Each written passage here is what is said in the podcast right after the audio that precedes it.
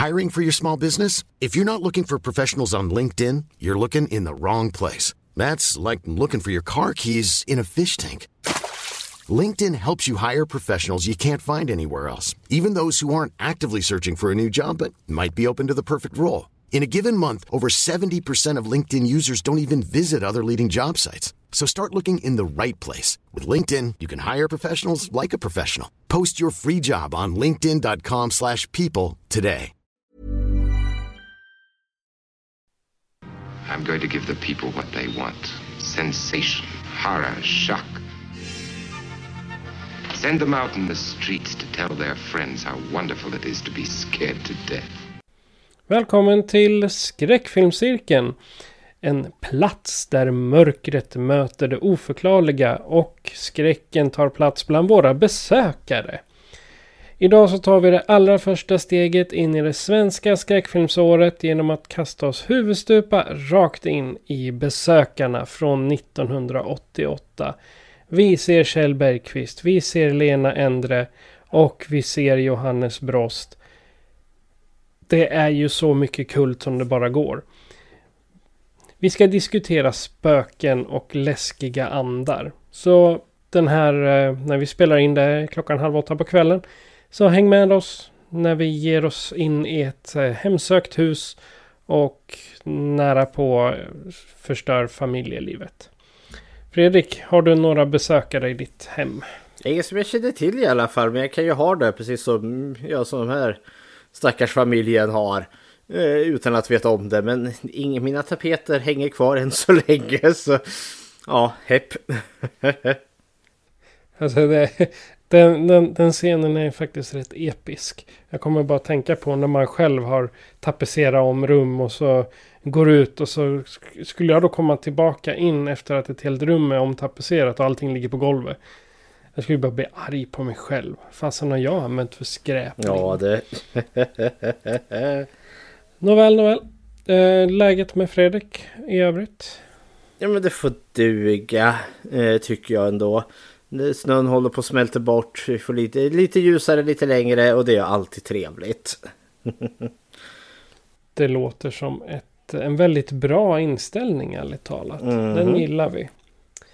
Men i vanlig ordning då tänkte jag vi skulle prata lite om vad vi har sett sedan sist. Så du får börja Fredrik. Har du något intressant? Jo, det har jag sett en hel del här ändå. Jag har haft något form av Christopher Lambert, eh, vad heter det, eh, orgie här ett litet tag. Jag har snöat in mig i mina 90-talsfilmer och Christopher Lambert var ju med i en hel del av dem. Usch, jag måste fick... tvätta ögonen när du säger, säger orgie med Christopher Lambert. det skulle inte göra ont. Han i sin heyday. jo, visserligen. Det kan only be one. Nej men... Eh, jag har sett tre filmer med honom här nu. Eh, och den första var en sån gammal Night's Move heter den. Den är från 92, 93 där någonstans. Eh, och är något så... Jag skulle kvalificera den som en amerikansk jallo. Eh, för den fyller liksom nästan alla de tråpen. Och grejen också att den kom ut samma år som Basic Instinct kom ut. Den här erotiska thrillern. För det slog mig över hur sensuell den här filmen var. Vi har en rakbladsviftande seriemördare som jagar kvinnor. Och de där kvinnorna tenderar alltså oftast att vara i sina sexiga underkläder när han slår till. Och då började jag tänka liksom, ja, eh, Basic Instinct kom ju samma år. Så det skulle vara intressant att veta om vilka av de här filmerna som kom först. Eh, eh, kom Basic Instinct först, ja då tänker jag nog våga sätta en femma på att man försökte kapitalisera lite på de framgångarna den hade. Men alltså, storyn är bonkers som en Jallo sig bör. Christopher Lambert spelar någon schackmästare eh, som har då haft sina glansdagar men nu har han varit borta från schackvärlden här under en längre tid. Men nu ska han göra sin stora comeback här, så en stor schackturnering. Olyckligtvis nog så kom, slår en seriemördare till då och attackerar och mördar hans eh, älskarinna som han har där. Och då blir han då indragen i den här polisutredningen för han blir då målta, han blir då misstänkt nummer ett där. Men det visar sig att mördaren vill ju spela ett spel med honom. Eh, för mördaren verkar vara besatt av just han av någon anledning. Och så är det mycket, ja men mördaren ringer och lämnar ledtrådar. Och så blir det upp till dem att liksom försöka knäcka mördarens kod där för att se om de kan liksom förekomma eh, ja, nästa mord där då. För han hintar alltid om vem som ska bli näst och så är det en dum liten twist på slutet. där mördarens identitet röjs. Det känns lite som vilken eh, spänningsfilm eh, som helst egentligen. Men eh, vilken slasherfilm som helst. Eller nej vänta nu. The Collector, det var den jag skulle komma till. Mm. Lite The ah. Collector och Seven. Det känns mm -hmm. lite som att de är inspirerade av det där. Ja, det, det känns ungefär som en tv-film egentligen. Eh, fast lite mer raunchy, för den är så gjord som en, alltså en spelfilm då. Men det känns som en tv-film. Eh, och Christopher Lambert är inte riktigt hundra i sitt ja, som engelska som andra språk. Han har ju franska som första och han har inte riktigt knäckt den engelska koden ännu i den här filmen. Ja, kära någon. Var det de det hade... filmerna de dubbade honom? Nej då, det är han eh, som pratar. Eh, men eh, ja, det går inte riktigt så bra alla gånger. Men nästa jag såg det är då Resurrection från 99-98 där någonstans. Och den här tänker jag då säga är då kraftigt inspirerad utav Seven. Eh, för det är också, Lambert spelar en polis eh, och det här är i någon, jag tror det är Chicago den utspelar sig och där jagar de då en seriemördare som ger sig efter män som samtliga är då 33 år gamla Eh, och det som verkar vara gemensamt är att ja, men det första mordoffret de hittar saknar typ den vänstra armen som mördaren har kapat vid axeln. Nästa mordoffer saknar höger arm kapat vid axeln. Nästa saknar ett höger ben och så behöver man inse liksom att det finns ett mönster här. Han, mördaren tar eh, kroppsdelar och de tänker liksom att Ja, varför gör han det? Jo, men han lämnar en massa eh, vad heter det, bevis efter sig eller ledtrådar efter sig och de inser att det finns bibliska motiv här ganska snart. Eh, och den heter ju då The Resurrection så ganska snart pusslar de ihop att eh, nej men mördaren håller på eh, pusslar ihop eh, Jesu Kristi kropp. För det börjar dra sig emot eh, påsk där då. Eh, och galningen ska ju då eh, återuppväcka Jesus, eh, är väl arbetshypotesen. Eh, men den här är då liksom, den är mörk, den är dark, den är gritty. Det är liksom, det är väldigt snuskiga och sunkiga arbetsmiljöer vi rör oss i. Eh, och eh, det, den känns väldigt Seven-esk inspirerad som också hade det här liksom, ja men det, det smutsiga staden eh, Eh, i, i sitt seedy underbelly. Fast här då med någon religiös twist, eller ja, Seven hade ju också en religiös twist där med dödssynderna. Eh, men den här tycker jag om. Eh, Christopher Lambert har blivit mycket, mycket bättre i sitt, eh, i sitt engelska tal här helt klart. Men eh, den här eh, uppskattar jag. Det är väl också en sån där film som han har producerat själv. Eh, så det är väl också egentligen kanske lite mindre sak. Men habil seriemördar-thriller. Lite roare, lite gråare, lite, lite äckligare. är det något du har sett? The Resurrection? Nej, jag tror jag bara sett Highlander. Ah, ja, ja. Med, med honom. Jag tror det är det enda. Men eh, skenet kan ju bedra. Jag är lite dålig på att komma ihåg titlar. Sen det sista jag såg här då eh, var också en Lambert-film här då som heter då The Hunted från 1995. Och den har jag aldrig sett sen tidigare. Det var premiär nu. Och det var mest på att den fanns. Jag hittade den billigt på Amazon och då köpte jag den. Jag tänkte ja men det kan väl vara kul. Och det var en jäkla tur. För det här är då, alltså det är en riktig B-actionfilm. Men för att vara en B-action så är det verkligen A-klass på den. För den här var, oh, att jag inte hört talas om den här innan. Den här tänker jag säga är kriminellt underskattad i sådana fall. För Christopher Lambert spelar då en affärsman eh, på någon resa i Japan. Eh, och på ja, de har precis gjort någon affärsdeal och ska precis liksom till och ja, Eh, åka hem dagen efter. Men då, då hookar han upp med en eh, vacker kvinna där. Eh, för en liten, ja men en romantisk one night stand där. Eh, och hon verkar väldigt medgörlig och tacksam för det. Och det visar ju sig, eh, anledningen till varför är för att hon är måltavlan eh, för någon japansk ninjakult. Eh, som har eh, ja, men beslutat sig för att mörda henne. Eller hon har fått ett kontrakt på sig så hon vet att hennes dagar är över. Eh, så han blir vittne då eh, till eh, när de bokstavligen hugger huvudet av henne med ett katanasvärd då. Men grejen är då att han ser ju då också eh, ninjaledarens ansikte. Eh, och han, i och med att den här kulten är så hemlig så har de liksom Ingen får se hans ansikte och överleva, men han kommer ju undan dem. Eh, och eh, ja, han blir skadad men kommer undan, eh, hamnar på sjukhuset, polisen ska ta över men polisen det kan, de tror dels inte att den här ninjakulten finns.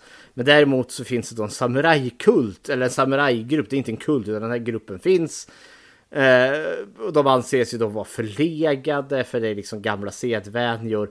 Men de tar det här ninjahotet på absolut största allvar.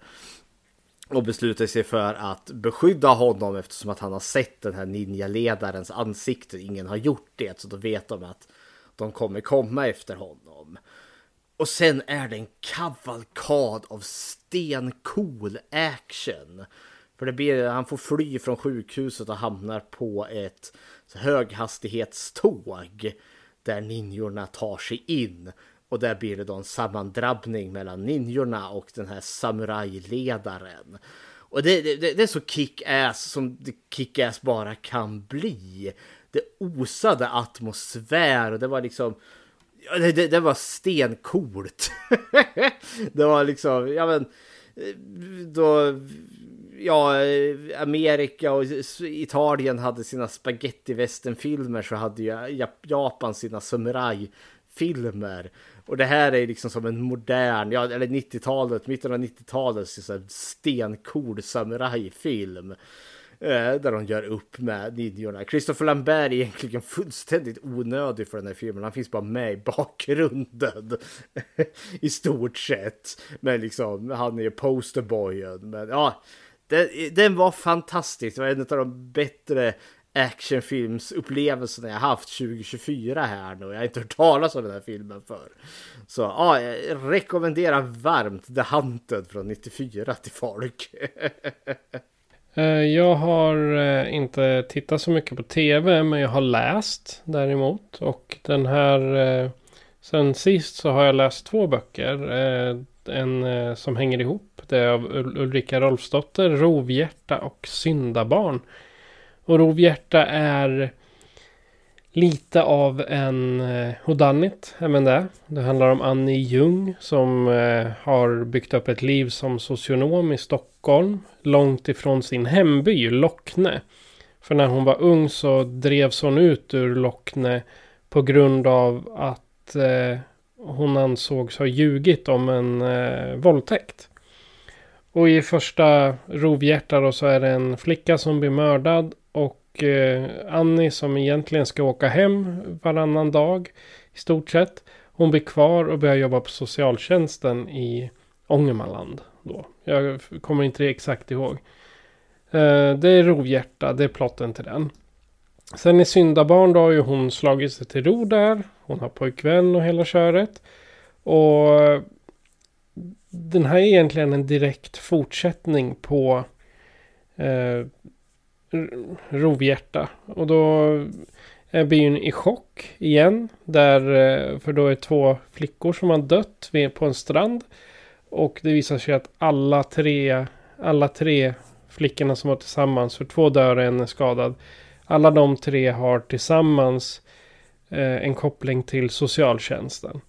Och Annie Ljung blir då återigen ofrivilligt indragen i den här utredningen. Så att eh, Kramforspolisen tillsammans med socionomen Annie Ljung de löser fall. Eller gör de det? De böckerna har jag lyssnat på när jag inte har gjort annat. Så att eh, film har det varit dåligt med. Jag har fortfarande, vi håller fortfarande på med eh, The Big Bang Theory. Det är våran kvällsmats-tv. Men annars så har det inte blivit så mycket mer. Men idag, det här avsnittet, så ska vi då ge oss av till Sveriges 1988 och filmen Besökarna. Som första steg i våran svenska skräckfilmsår. Så eh, här kommer en trailer. Det här kallar jag för luft. Känner ni det? Helt otroligt. Ja, men allvarligt talat. Frank, jag kommer älska det här stället.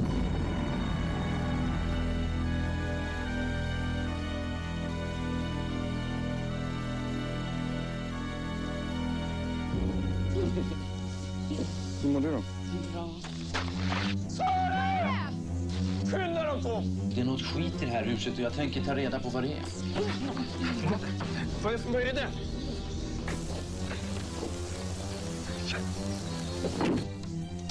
nu verkar jag helt livsfarlig. Du vet vad du håller på med. Ja, för fan. Jag har gjort dem själv ju.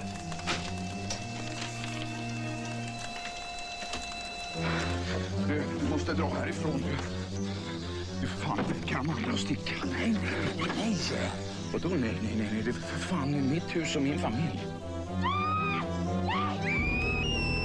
Peter! Sätt in kontakten! Du är för fan inte riktigt frisk i huvudet. Oroa dig. Ah!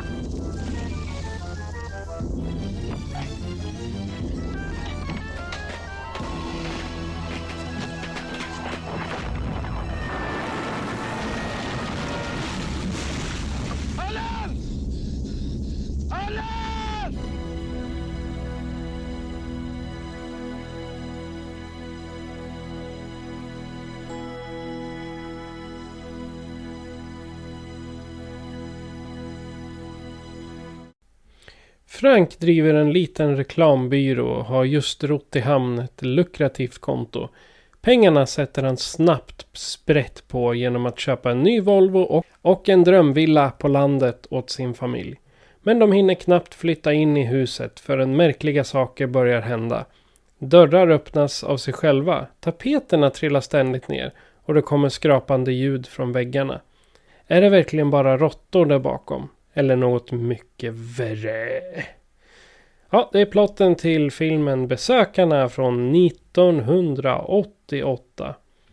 Och Fredrik, har du några initiala tankar till den här? Ja, Den här filmen är... Det här är stark nostalgi för mig. För jag misstänker när jag går tillbaka till att det här kan eventuellt faktiskt vara den första skräckfilm jag faktiskt har sett. Eh, och då gick jag kanske i lågstadiet. Jag kan ha varit antingen 8, 9, 10 eller något sånt där. Eh, och den här filmen... Eh, ja, vad, för... Den skrämde mig bortom vett och sans back in the days. Har alltid funnits hos mig som en ganska stark filmupplevelse. Eh, och, och jag tror liksom som barn är det här en jättekuslig film. Som vuxen, ja. jag har väl förstått att liksom kanske den här mer... eh, Jag vet när jag fick ett... eh, När jag jobbade på ABF här eh, så fick min chef reda på att jag gillar mycket film och skräckfilm och då undrade jag, oh, har, har, du sett Besökarna? Ja, det hade jag. Jag har ju den på DVD också. Då ville han ju låna den, men det var ju mest av den anledningen att han ville skratta åt den. För han tyckte ju mer att det här var en usel film. Så jag har ju förstått att den här står på lite två ben. Kanske som för mig då, som har djup nostalgi, som tycker att den här filmen är kultig som bara den. Kontra de som kanske såg den i vuxen ålder när den kom och kanske skrattade åt den. Så med, med min första tankar att ja, för mig är det här alltid med ganska stor värme som jag återvänder till besökarna till. Men jag kan också se att det är en film som är ganska ojämn också. Men ja, mina initiala första tankar här är, ja, det, det är positivt, det är positivt. okay. Besökarna är, jag, jag tycker inte det är en skräckfilm. Men eh, för en eh, nybörjare inom genren så kan det här bli lite av en öppning till filmatiseringar av, som ska visa något övernaturligt eller eh, ett fönster till en annan värld eller okända saker som kommer in i vardagen. Men för min del så är besökarna precis som din chef mera någonting att skratta åt. Och sen är det ju som sagt väldigt mycket kult. Så man kan ju titta på den bara för att det är den. Det här senast jag såg den här det måste ha varit någonstans 2000 något sånt där. Så det var kul att återvända till den. Det är ingenting jag skulle göra typ en gång om året direkt. Utan det är mera, ja. Kan, eh, jag kan kolla på den då och då men jag behöver inte se det allt för ofta. För sen är det här trots allt en 80-talare och många av skådespelarna det är ju deras första film. Eller i alla fall väldigt tidiga i deras eh, karriärer. Så att kvaliteten blir ju därefter. Men det här det är ingen Conjuring Universe-film. Det är inte en Blair Witch Project-film. Utan det här är svensk skräck. Eh, mera format som ja, en familjefilm i stort sett. Vill jag säga. Och framförallt så tycker jag karaktärerna är fantastiskt roliga. Så jag tänkte vi har ju för vad jag, om man räknar bort barnen, för de är mest i bakgrunden och gnäller, så har vi tre karaktärer att prata om. Frank, Sara och Allan. Ja, och brevbäraren lite kort om inte annat. Ja, Patrik Ersgård heter han ja. i verkligheten. Mm. Ja, men det, det är en väldigt liten ensemble vi har att göra med här. Men innan vi går in där så tänker jag bara lite filmen i korthet. Alltså ja, det är ju bröderna Ashgard, Jack och vad heter han nu? Patrik. Patrik, Patrik och Jack Ashgard. Det är ju deras både regidebut, alltså långfilmsregidebut. Uh, och uh, ja, det är ju liksom Babys first movie. Jag skulle absolut inte ha gjort det här bättre någonstans. Jag skulle fallat på ansiktet och dött om jag hade gjort det. Så det, det där, all, all heder till dem.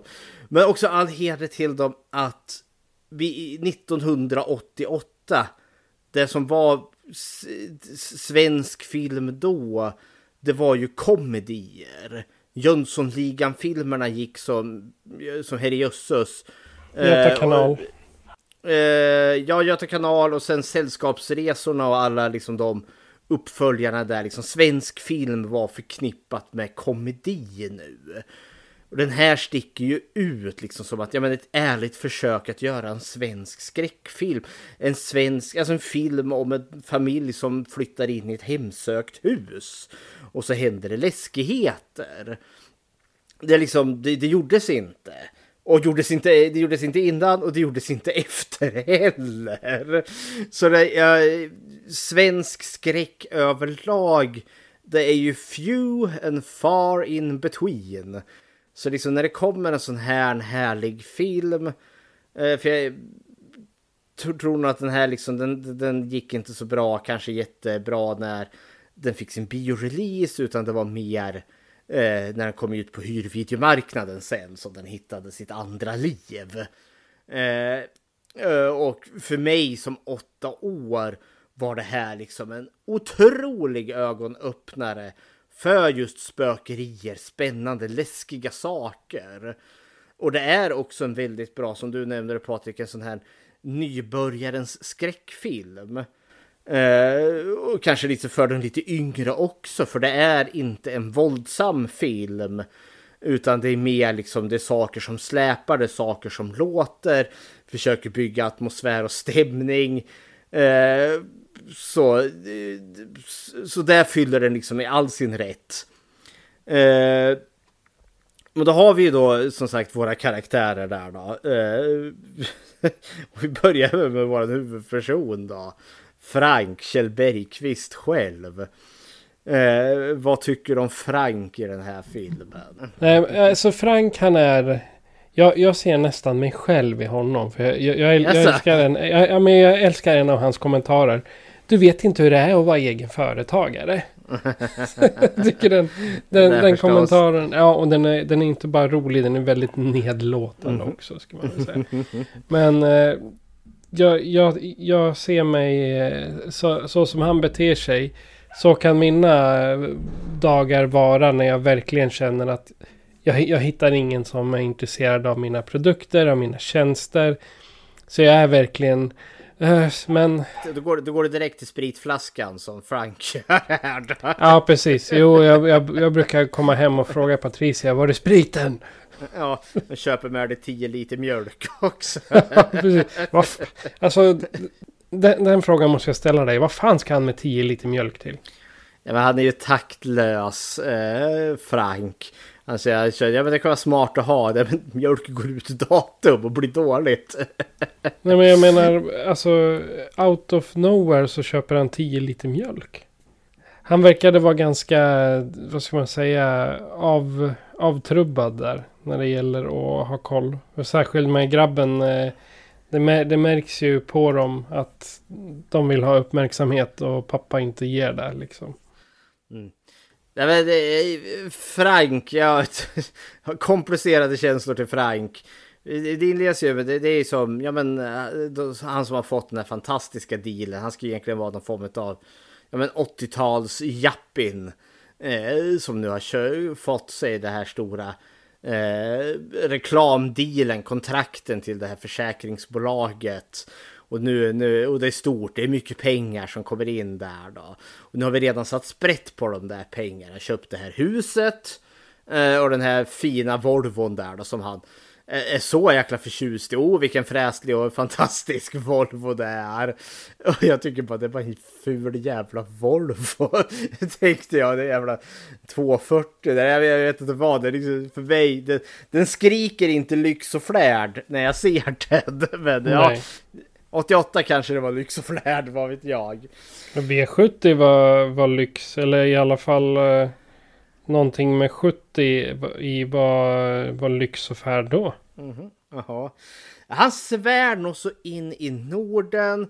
Så fort det går honom emot, ja då är det fram med spriten.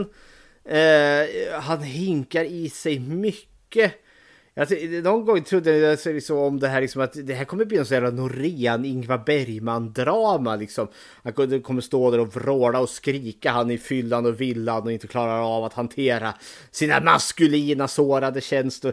Vi går aldrig riktigt dit, men det känns som att vi står på det knivbladet och väger över hela tiden som att han ska få den här stora blowouten. Men det får han aldrig riktigt. Ja, men en, en fråga där. Han, han, sätter, han sätter alltså sprätt på alla pengarna direkt. Men, men han har inte fått någon deal än. Nej, det är väl om, om jag ska tolka det här rätt så är det väl ungefär som att ja, men de, de har gjort den här det här försäkringsbolaget och han har pitchat en idé. Eh, tydligen och de verkar väldigt nöjda med det och liksom allting verkar som att det ska gå i hamn. Så nu ska en större summa pengar komma dem till del. Eh, men sen spricker dealen. Och, eh, men jag vet inte också inte heller liksom för nu kan det vara att saker och ting såg annorlunda ut 88, vad vet jag, men hur köper man ett hus innan du liksom har betalat för det. Du tar väl ett lån för det. Lika som en bil. Man kan väl inte köpa en bil eller hus på krita Det är väl om de har, om de tar ett lån i förväg liksom. Och Ja, bara det är för- tar det på vin, vinst och förlust. Ja, och nu har de ju räknat med att den här stora affären ska gå igenom, men det gör den inte. Eller snarare att den är hotad. Plötsligt är de inte intresserade av hans idé och han får typ en vecka till på sig att pitcha en ny idé för att de kanske räddar det här kontraktet. Eh, och det, men då kommer ju spökerierna och ställer till det. Men jag tänker liksom, ja, jag tycker den här familjedynamiken är lite sådär. Det, är liksom, det känns som att det här är en familj med problem eller som borde ha problem. Han röker som en skorsten. Jag, jag reagerar på att han röker i bilen där tillsammans med barnen. Han röker i sängen. Eh, som sagt, minsta lilla motgång, flaskan är där, hinka, hinka, hinka. Eh, och... Men samtidigt är han ju inte en hemsk pappa. Han verkar inte så. Han är ju kärleksfull till sina barn och sådana saker. Men han är taktlös. Han är så fruktansvärt taktlös. Det är liksom som, ja men när han ser, eh, det- han är ju den som börjar ana spöket först. Eh, hör det först. Eh, och liksom börjar liksom se, liksom, när han går upp på vinden och så ser han ju de här blöta fotspåren. Uh, och då är de uppe på vinden där. Och han bara börjar gasta, vråla och skrika till att Sara ska komma upp där. Kom upp nu för fan! Uah! Han piskar ju upp världens jävla stämning. Barnen står ju där liksom ögon stora som tallrikar. Och liksom han bara drar upp henne. Det är ångest, det är vrål, det är panik. Och så är, när hon väl kommer upp så är det ju ingenting där. Ungarna är ju liksom sjukt förvirrade och liksom jätte... Vad är det som händer Nanna? och det är det jag tänker, han är så... uh, han, han har inte takt och förson, eller han är inte, han är inte takt och ton. Utan han, han gör ont värre hela tiden. Han är ju den som piskar upp den här jävla hetska stämningen hela tiden. Och, för, Ja. sen då för att, och sen för att de möter ut och så är det då ständigt cigarettfimp i munnen och sen en Jack Daniels i handen där. Har du spriten? Jag har varit spriten. Och det är alltid sådär. Jag vet inte, det där, vart är spriten? Ja, det är i bokhyllan som du har ställt. Ja, varför skulle jag ställa det där? Det är liksom, det är väldigt mycket sådär muttrande, passiva, aggressiva kommentarer från honom. Så jag tänker, hon stackars Shara, hon, hon får leva med ganska mycket ändå. Men det känns ungefär som att det här är Jack Torrance light. Vi, Ja. vi kommer aldrig till att han liksom börjar vifta med yxan och liksom here's Johnny. Utan Here's Frank. here's Frankie. Nej men eh, jag vet inte riktigt vart vi är på väg med honom. För det känns liksom som att hans besatthet håller på att liksom ska driva familjen till undergång. Eller liksom håller på att splittra familjen. Och det, det är ju en, en av tankarna med den här. Men vi går aldrig riktigt så långt heller. Vi får aldrig riktigt en sån här jättedramatisk scen när hon liksom konfronterar honom och han liksom har totalt snöat in på spökerierna, räkningarna ligger på hög, barnen gråter, hon tar barnen och sticker. Det skulle behövas något så, jag behöver en mer uppbyggnad, men vi får inte riktigt det. Istället har vi den där eventuellt dåliga maken Frank eh, som har eh, vars affärsstil gick dåligt och nu dränker han det i sprit eh, och eh, jagar spöken, ist- jagar spöken istället. Ja. Jag vill gilla Frank. Men jag är också liksom, jag stör mig på han. För han, han känns som att han vore egentligen en bad guy. Det känns som att han, vo, han, han borde vara Jack Torrance. I stort sett. Men han är inte Jack Torrance. Utan han är en så våran hjälte trots allt. Men vi får alltså ofta se honom stressad, full och otrevlig. Alltså oftast. Jag ska göra en liten eh, korrigering där gällande Kjell Bergqvist. Där. Det är banne mig inte den första filminspelningen han gör. Han började 71 och filma, filma tv. Så att det var inte deras absolut första, ska jag säga på en gång. Men Jack, ja, jag tror att vi har, Frank heter han dessutom.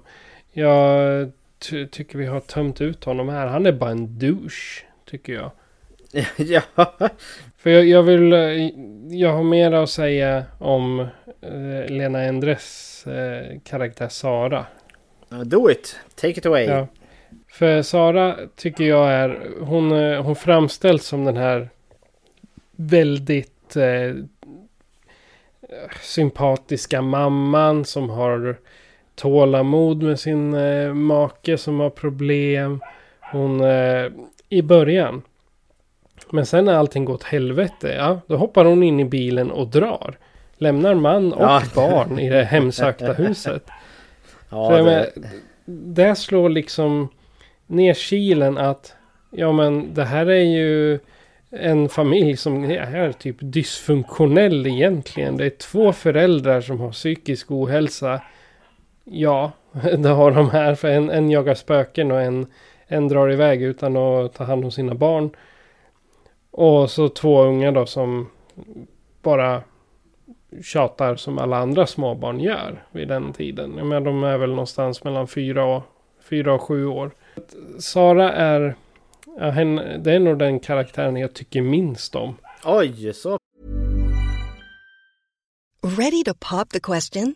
The jewelers at BlueNile.com have got sparkle down to a science with beautiful lab grown diamonds worthy of your most brilliant moments. Their lab grown diamonds are independently graded and guaranteed identical to natural diamonds, and they're ready to ship to your door. Go to BlueNile.com and use promo code LISTEN to get $50 off your purchase of $500 or more. That's code LISTEN at BlueNile.com for $50 off. BlueNile.com code LISTEN. Everyone knows therapy is great for solving problems, but getting therapy has its own problems too, like finding the right therapist, fitting into their schedule, and of course, the cost. Well, BetterHelp can solve those problems. It's totally online and built around your schedule. It's surprisingly affordable too. Connect with a credentialed therapist by phone, video, or online chat, all from the comfort of your home. Visit betterhelp.com to learn more and save 10% on your first month. That's BetterHelp, H E L P. pass. Ja, hon eh, kommer Ett- sist i triologin där. ja, det är, riktigt så illa tycker jag inte om henne. Men jag tycker däremot att hon är en underskriven karaktär. Jag hade önskat mer av henne. Eh, för hon blir väldigt mycket liksom... Hon, hon är journalisten. Eh, hon är den som har jobb. Eh, och jag skulle vilja veta mer om det. Jag skulle kanske vilja kanske haft med henne i, i jakten på spöket om inte annat då. Och kanske kan nyttja liksom, hon kan sina journalistkunskaper börja gräva lite i historien och se vad är det för något läskigheter som har hänt i det här huset.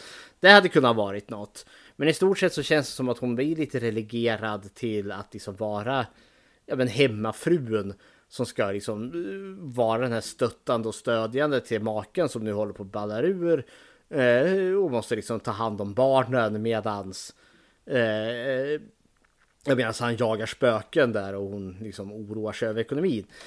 Eh, jag tänker inte säga att det, jag, jag reagerade också på det där att, eh, att hon bara tar sitt pick och pack och sticker. där närmare slutet.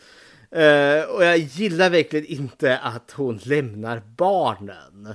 Nej. Det är också mycket för det, för det sista hon gör, för det är ju efter att spökjägaren har dött där. Och det kan jag köpa liksom, att den freak out ser liksom nu, herregud, en människa har dött här och min make jagar spöken. Uh, nu tar jag mitt pick och pack och sticker.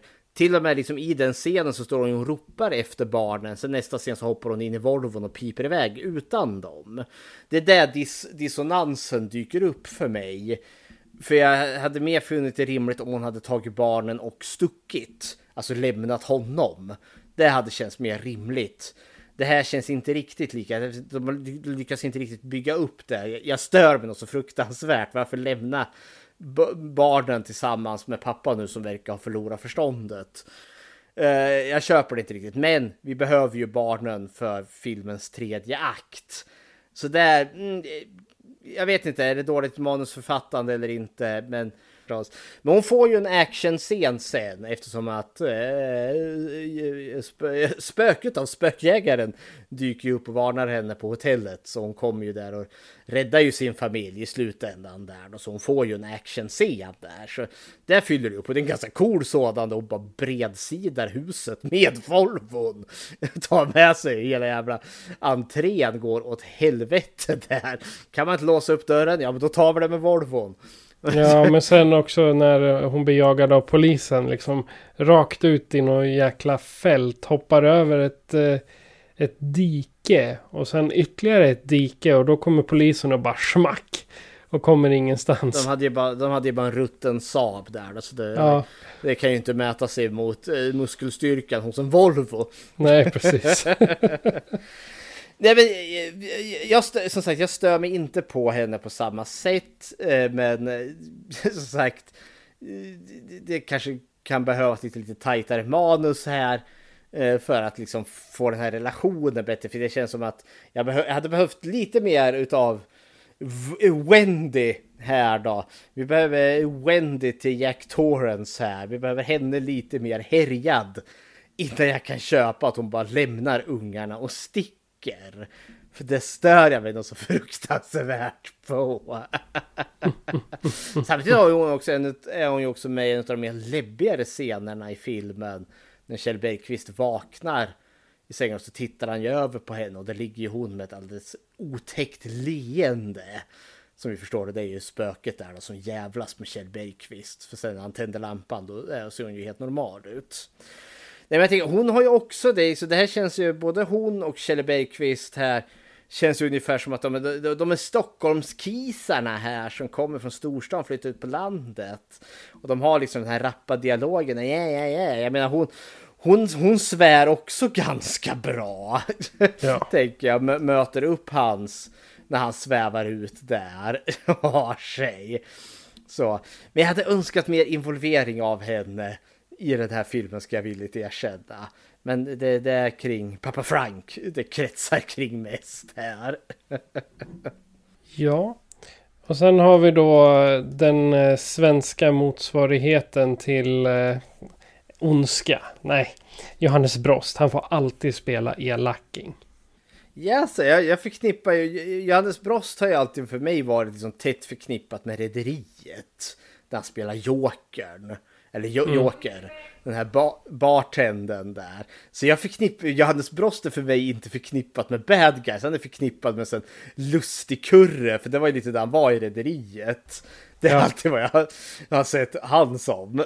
Ja, jag, jag tänkte mer där i, film, i filmväg. För jag tror, jag tror aldrig jag har sett honom som en god, god eh, karaktär. Jag tänker nu Ja, ja, ja. är han ju en eh, tokig spökjägare. Ta, I eh, Jönssonligan där är han ju med silvertänder och har maskingevär i det. sin lösa hand. Och, krokarmen som kan Ja. skjuta knivar och allt vad det där.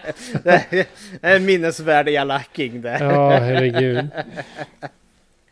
Men det, det är väl bara att... För jag, jag har inte sett hela Rederiet. Det var en sån här grej man slötittade på lite då och då.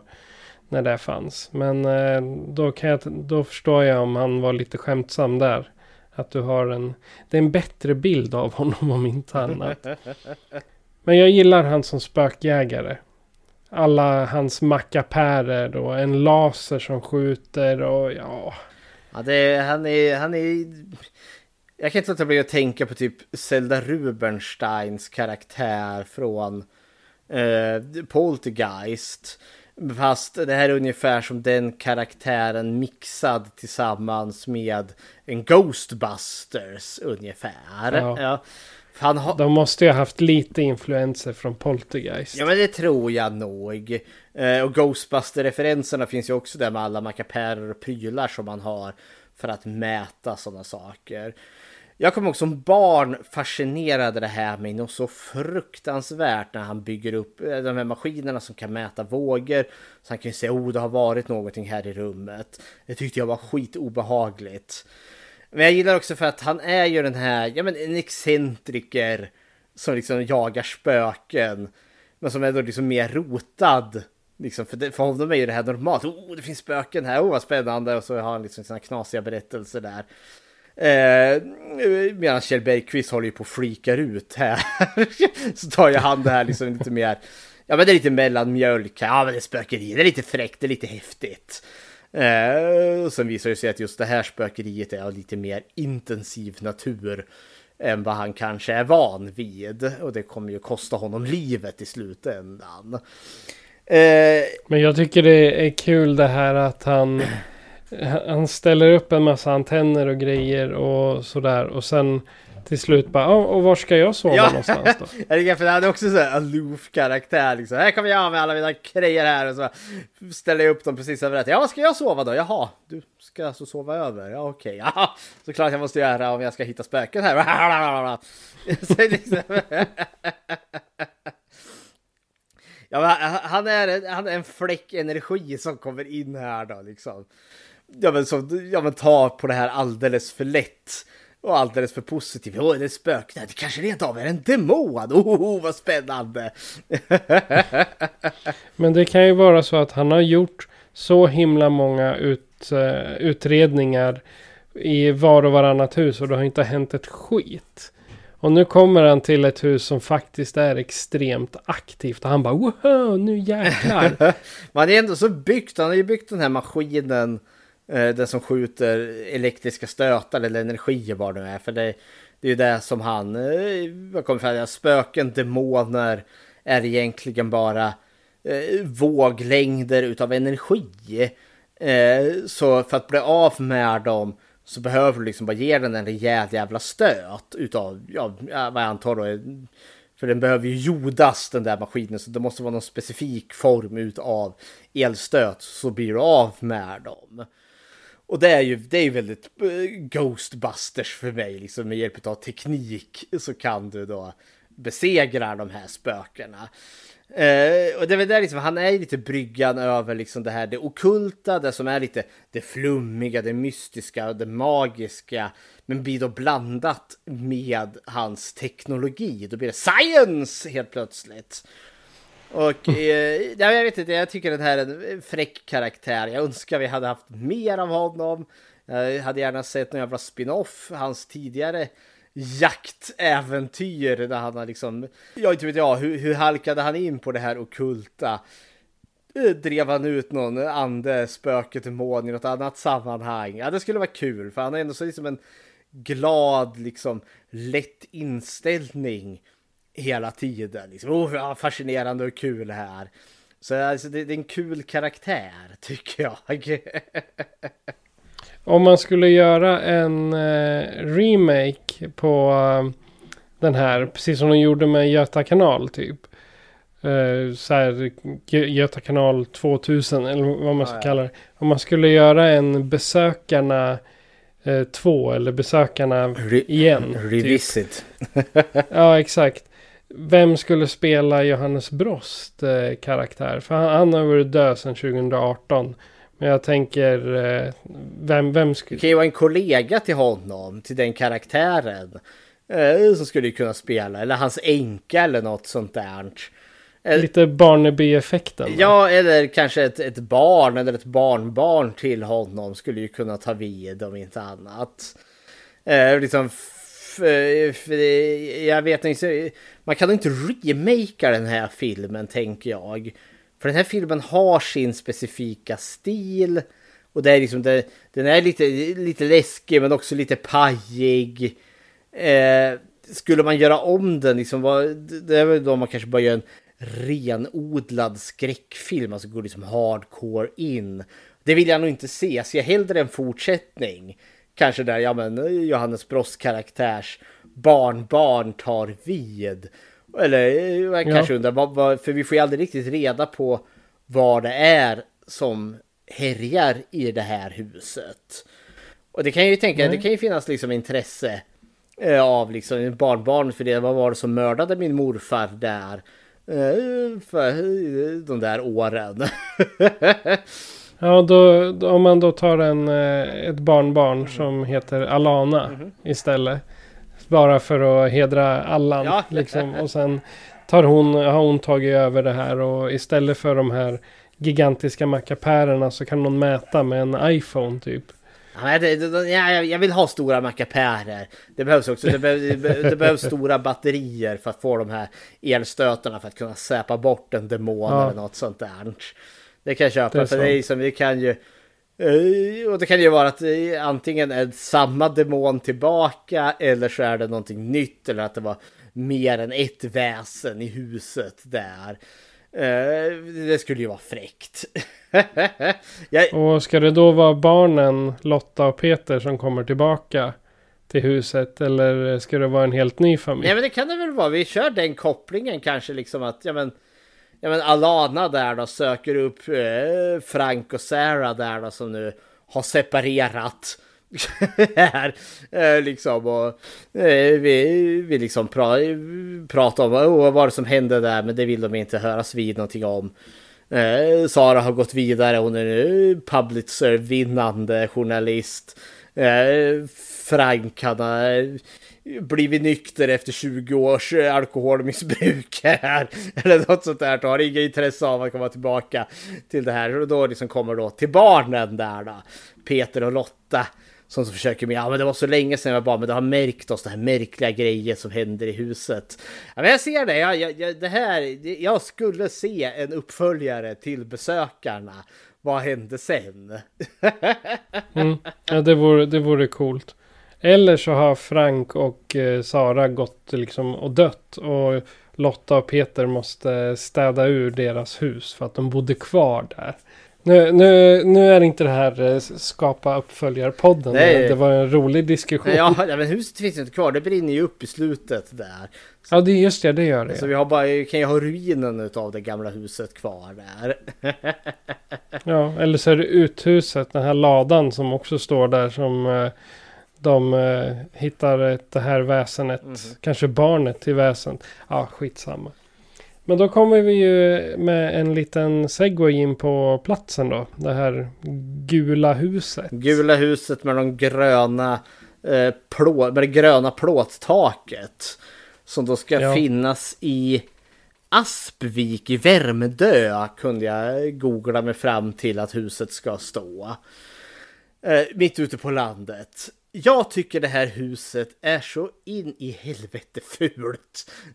Ett bland de fulare hus jag har sett i skräckfilmssammanhang. Du skulle inte hitta mig död i det där huset. Om inte demonen släpar in mig i det då förstås. Jag tycker det är gräsligt fult det här huset. Ja.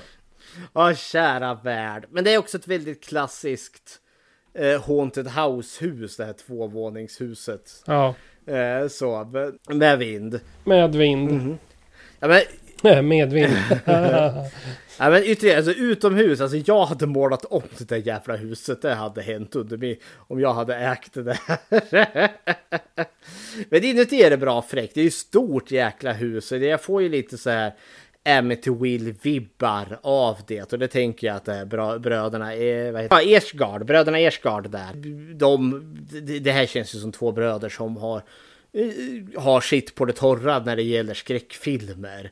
De är nog liksom djupt insyltade och har tyckt det här varit awesome så pass att de tog sig an omaket att göra en svensk skräckfilm. All heder 5 av 5 eh, där helt klart. Men det känns liksom som att det här, det här är liksom eh, ja, men ett Amityville-hus. Ett hus där som på ytan då är liksom, ja men här kan man bilda, eh, fostra familj, mums mums, vilket härligt, trevligt. Men så bor det ju någonting ondskefullt och jävligt i det. Så det är ett, ett väldigt klassiskt liksom hemsökt hus och framförallt vinden där det onda bor. Det är ju också väldigt ja, skräckfilmseskt så står det härliga till. Vad tycker du om huset, platsen här då? Alltså jag tycker det är ett eh, otroligt fult hus, precis som du sa. Det är ju inte något... Det, det känns som vanilj, eller vad man ska säga. Eh, mellan, eller mellanmjölk, eller röd mjölk som man häller ut för man köper 10 liter. Eh, men jag, jag gillar eh, omgivningen av det här, för det är verkligen bara huset vi befinner oss i. Det är, det är inte ofta man får springa ut i trädgården här Eller man springer inte ut i trädgården alls. Man är på, man är på uppfarten till huset. Och sen är man i huset. Så att det är, ju- det är som du säger, det är ett bra eh, Haunted House setting. Jag tänker också lite eh, räcke-ish med många våningar. För jag vill ju säga att det finns en källare på det här också. Så det är alltså fyra våningsplan som spökena kan ge sig i kast. Dock får vi aldrig se källaren här. Jag kan ju tänka Nej, mig att precis. det kan finnas en ändå. Det är min tanke. Det må... Sen att huset brinner ner i slutet, det tror jag bara är bra. För att då kommer inte det här att... Då blir det inte en omedelbar tvåa där det kommer nya spökjägare. Eller att folk beger sig dit. Ja, det gör de ju ändå för att titta på det, det faktiska huset. Men att folk beger sig dit och ska börja jaga, jaga spöken. För om jag skulle visa att det bor folk där. Ja, nej, men det, då, blir det ju Amityville Horror. Liksom ett ny familj flyttar in i det här hemsökta huset. Jag gillar att huset brinner ner. Det är, det liksom, det är, vi bockar av alla liksom skräckfilms B-klichéer här. Så självklart ska huset gå åt helvete i slutet när vi har besegrat det onda där. Eh, det tycker jag om. Men har demonen då hoppat på Kjell eller Frank och följer med honom? Det vet vi ju inte riktigt. Eh, den här verkar ju inte direkt vara ett demon. Ja, vi kan ju gå in på hotet nu då. Eh, för som sagt, det börjar ju som att det är en hemsökelse, det är spöken, oh. Men sen lutar det ju mer åt att det är en demon som de har i huset. Eh, och den här demonen verkar ju... Vi får ju det här är till filmens fördel. Eh, och de ska all kudos till det. Att vi får i stort sett inte reda på något om demonen. Vi får inget namn. Vi får inte reda på hur länge den har varit där. Eh, vi vet inte Nej. ens riktigt hur den fungerar överhuvudtaget. Vi får se den en kort, kort, kort stund. Det verkar som blinka och du missar det precis i slutet. När den dyker upp innan Kjell Bergqvist där eh, zappar bort den. Eh, och jag gillar det. Eh, det kanske vad uppföljaren kan få handla om då, om vi skulle, om det är i våran fiktiva uppföljare här. Då kanske man kan få mer information om vad det är för spökeri som beter sig här. Eh, vad, Ja. vad det är för något djävulskap som har eh, hållit på här. I övrigt får vi verkligen inte reda på den, så det är verkligen det, ljud. Ljud, stu, stu, stönar, dunsningar. Den här tapeten som dras ner.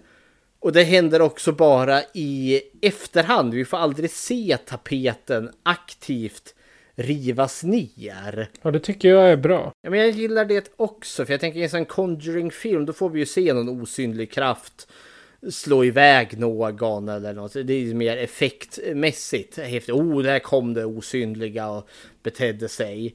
I den här så är det ju väldigt mycket liksom att, ja men, tapeten ligger nerriven, han, han springer in i ett rum, tittar och så kommer han ut igen och då står vindsdörren på vid gavel. Åh herregud, vad har hänt här nu då? Eh, Och så Mm. går han upp, för för dörren var ju stängd alldeles nyss. Nu står den på vid gavel. Oj, oj, oj. Eh, och sen upp på den där vinden. Eh, som är så läskig så. Det liksom hänger konstiga saker. Det är liksom fullt med spindelväv och någon djurskalle som hänger på väggen tror jag det är. Eh, och den här igenspikade dörren. Eh, som de inte lyckas ta sig in i först närmare slutet på filmen. Och när de väl tar sig in i det här stängda rummet som vi förstår då, det är där demonen bor. Det får vi heller liksom inget direkt något vettigt, utan det hänger en massa läskiga masker. Det finns böcker och tavlor och pryttlar och prylar överallt. Eh, men vi går aldrig riktigt in i vad det är. Oh, det här är en eh, mask från eh, Mellanöstern eller något sånt där. Det, eh, det här har vi en symbol som eh, visar på någon mesopotansk era, bla bla bla bla bla bla. Vi får ingenting. Det är bara pryttlar och prylar, eh, konstverk, böcker. Men vi får aldrig liksom reda på. Alltså det är inget som ger något vad monstret är eller var det kommer ifrån. Det enda vi får är ju en liten dagbok som hittas där, där vi förstår att det här har hänt förr. Dagboksförfattarens eh, Eh, ja, skrivande leder till att ja, men jag förstår liksom att han har blivit hemsökt av någonting. Och så kan vi ju då tänka sig att det har gått illa i slutändan, men vi får inte reda på mer än så. Så det, det lilla vi vet är att huset är hemsökt av en demon. Den har funnits där ett tag, den har gjort det här förut. Nu gör den det igen. Eftersom att den här familjen har flyttat in. Så ja. Kudos till det, jag gillar det jättemycket. Uh, och som barn var det här skitläbbigt med det här simpla bara liksom ljud och läten.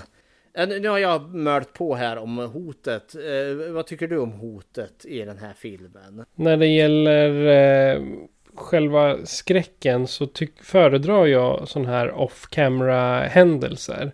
Jag tänker lite typiska Jallo där man ser kniven höjas och sen kan får man bara tänka sig själv att personen blir huggen eller något liknande. Mm. Så det gillar jag i den här typen av haunted-filmer för då blir det så mycket mer spännande.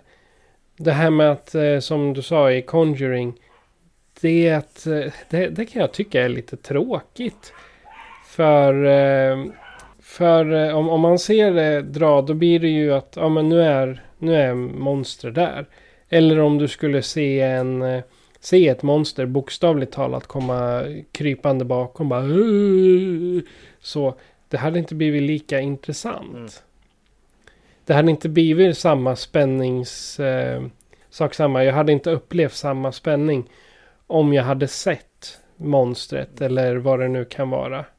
Ja, det, det är otäckare där vi inte får se än där vi faktiskt får se. Det bygger spänning. Sen behövde vi få se monstret och det gör de ju då med all sin rätt att vi faktiskt får se den precis i slutet. För hade vi aldrig fått sett den, det hade varit ett antiklimax. Då hade man snarare tagit det här som att det sitter i hans huvud. Nej, det hade jag nog inte gjort för att det är så uppenbart att det här är hemsökt. Eh, men det hade varit ett antiklimax om jag inte hade fått sett monstret alls närmare slutet. Men det måste verkligen sparas till slutet för när monstret väl röjs, ja då försvinner lite den spänningen i och med att det här har varit ett osynligt monster fram tills dess. Och gör man det inte väl att monstret är, ser pajigt och dåligt ut, ja då blir det ännu värre. Då, liksom, då, då, då sjunker spänningen ännu mer. Jag hade den, ja. jag hade den känslan till första Insidious-filmen. Eh, där de höll, också håller då demonen i dunkel. Den finns i mörker hela tiden. Och det jag tyckte den filmen var jättespännande tills och med att jag fick se demonen i sin helhet och då tyckte jag den såg skitfånig ut. Och då, först, då, då sprack spänningen ögonen bums.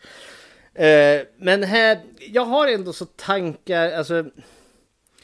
Det här spökerierna som händer, det är coolt. Eh, jag gillar också att de inte förlitar sig på jump scares, egentligen inte en enda gång, utan att det bygger mer stämning. Det är konstiga saker som händer, dörrar som öppnar, saker som låter, eh, det viner, vi hör lite dunsar och sådana saker. Eh, och det finns vissa scener som är genuint jättekusliga, som när han är ute med sina barn där vid bäcken. Eh, håller på att tälja den här lilla trägubben och så vänder han sig om och så ser han en skugga som rör sig i fönstret på ovanvåningen. Obehagligt, en sån där isande, jag kan känna liksom, oh, eh, jag kan känna hans känsla liksom, nu suger det tag i magen. Det, det, det borde inte finnas någon i huset, men där är det ju en skugga av någon som går i huset. Skitläskigt. Och det är där liksom den skräcken den här filmen förlitar sig på. Och det, det, det, det är två tummar upp istället för jump scares är jävligt träiga och tråkiga. Men det är lite för lite. Det är lite för lite utav det här. Tredje akten, då jävlar i havet blir det obehagligt på riktigt när vi hör de här tunga dunsarna Eh, från fotstegen från eh, spöket. Eh, där vi får se dörrhandtag som vrider sig eh, dörrkarmen blir attackerad, liksom någonting kastar sig mot dörren. Det, det är jättebra, tredje akten är awesome as all hell. Men uppbyggnaden till dit har varit lite ojämn tycker jag. Jag hade behövt mer fotsteg, jag hade behövt mer spökerier egentligen. För jag tänker nog säga att den här, nu när jag sett om den, jag tycker att filmen är stundom seg. Ibland får jag liksom, fick jag nästan kämpa lite för att eh, hålla eh, telefonen borta. För liksom, mm, den har lite quirky dialog och sådana saker, men det flyter inte på eh, helt ordentligt. Och jag behövde mer spökerier för att hålla intresset uppe. Eh, så, ja. Eh, det, det, är ändå så liksom en kritik nu när jag ser om den. Eh, som jag ändå så har. Jag tycker fortfarande jättemycket om den här filmen. Men den är märkligt lite seg. men bröderna Ersgard här, liksom, de har gjort en genuint bra eh, skräckfilm. Jag, jag, jag ser kärleken som finns här. Men jag ser också problemen som finns här tycker jag. På tal om dialog eh, så har vi ett litet klipp här. Idag på tv så såg vi ett program om påfåglar. Mhm. Visste ni att påfågelns stjärt är två meter lång? Oj då, nej, det visste jag inte. Hannen måste göra sig fin för honom och sen kan de para sig. Här så säger vi knullan. Nej. Ja, så är det det vi gör? Undrar hur de fick grabben att säga det där. Ja, men alltså den här filmen är quotable as all hell. Eh, det, det, det är liksom, i det här huset säger vi knulla. det är fantastiskt. uh, ja, men, så vi kanske ska gå in på slutord på den här filmen nu. Ja, kan vi göra. Nu har jag hållit låda här ett bra tag Patrik. Vad är dina slutord och betyg till den här filmen? Oj, oj, oj. Alltså om, om jag inte hade sett Poltergeist innan så hade det här nog varit en av mina topp tre spökfilmer. När det gäller Hauntings. Men nu har jag ju sett Poltergeist.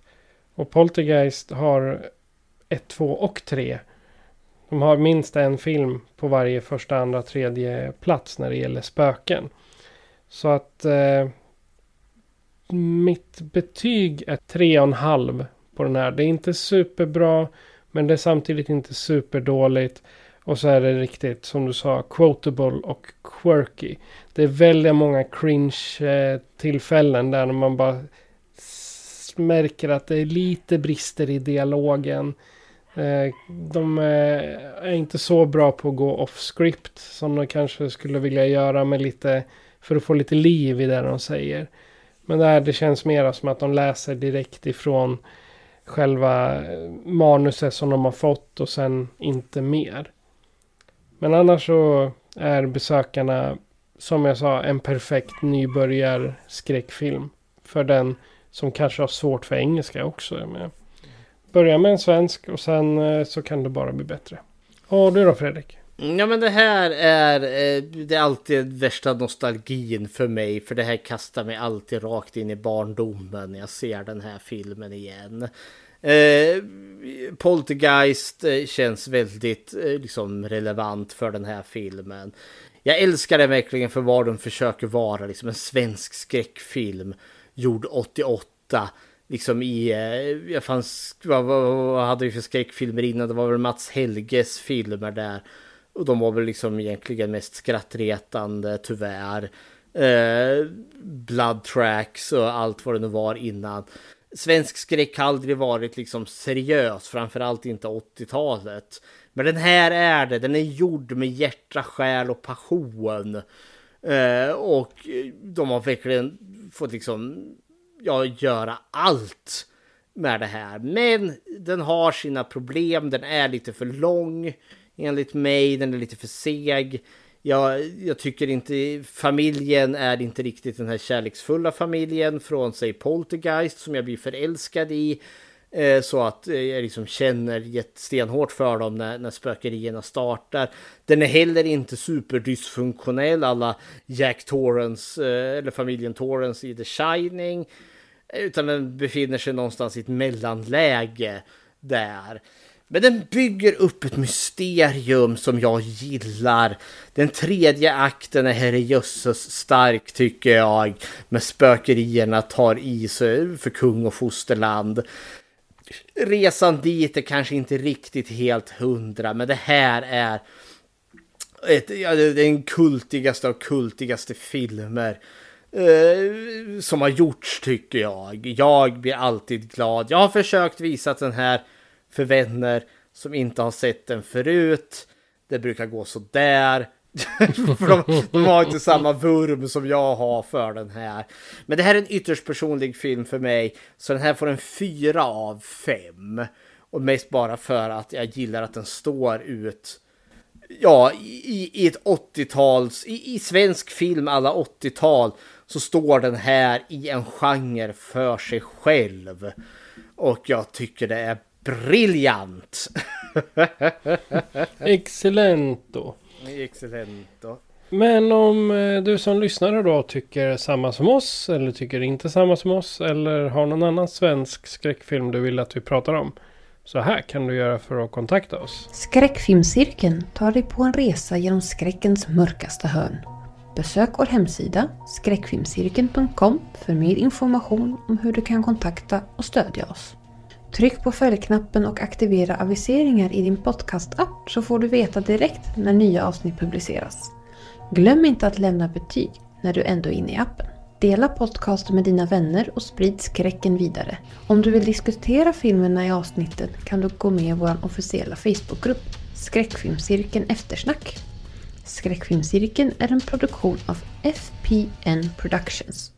Tack för att just du lyssnar. Och om du som många andra tycker om att höra avsnitten i förväg eller kanske rent av ha lite behind the scenes så kan du registrera dig på våran Patreon, patreon.com skräckfilmscirkeln. För där streamar vi när vi spelar in.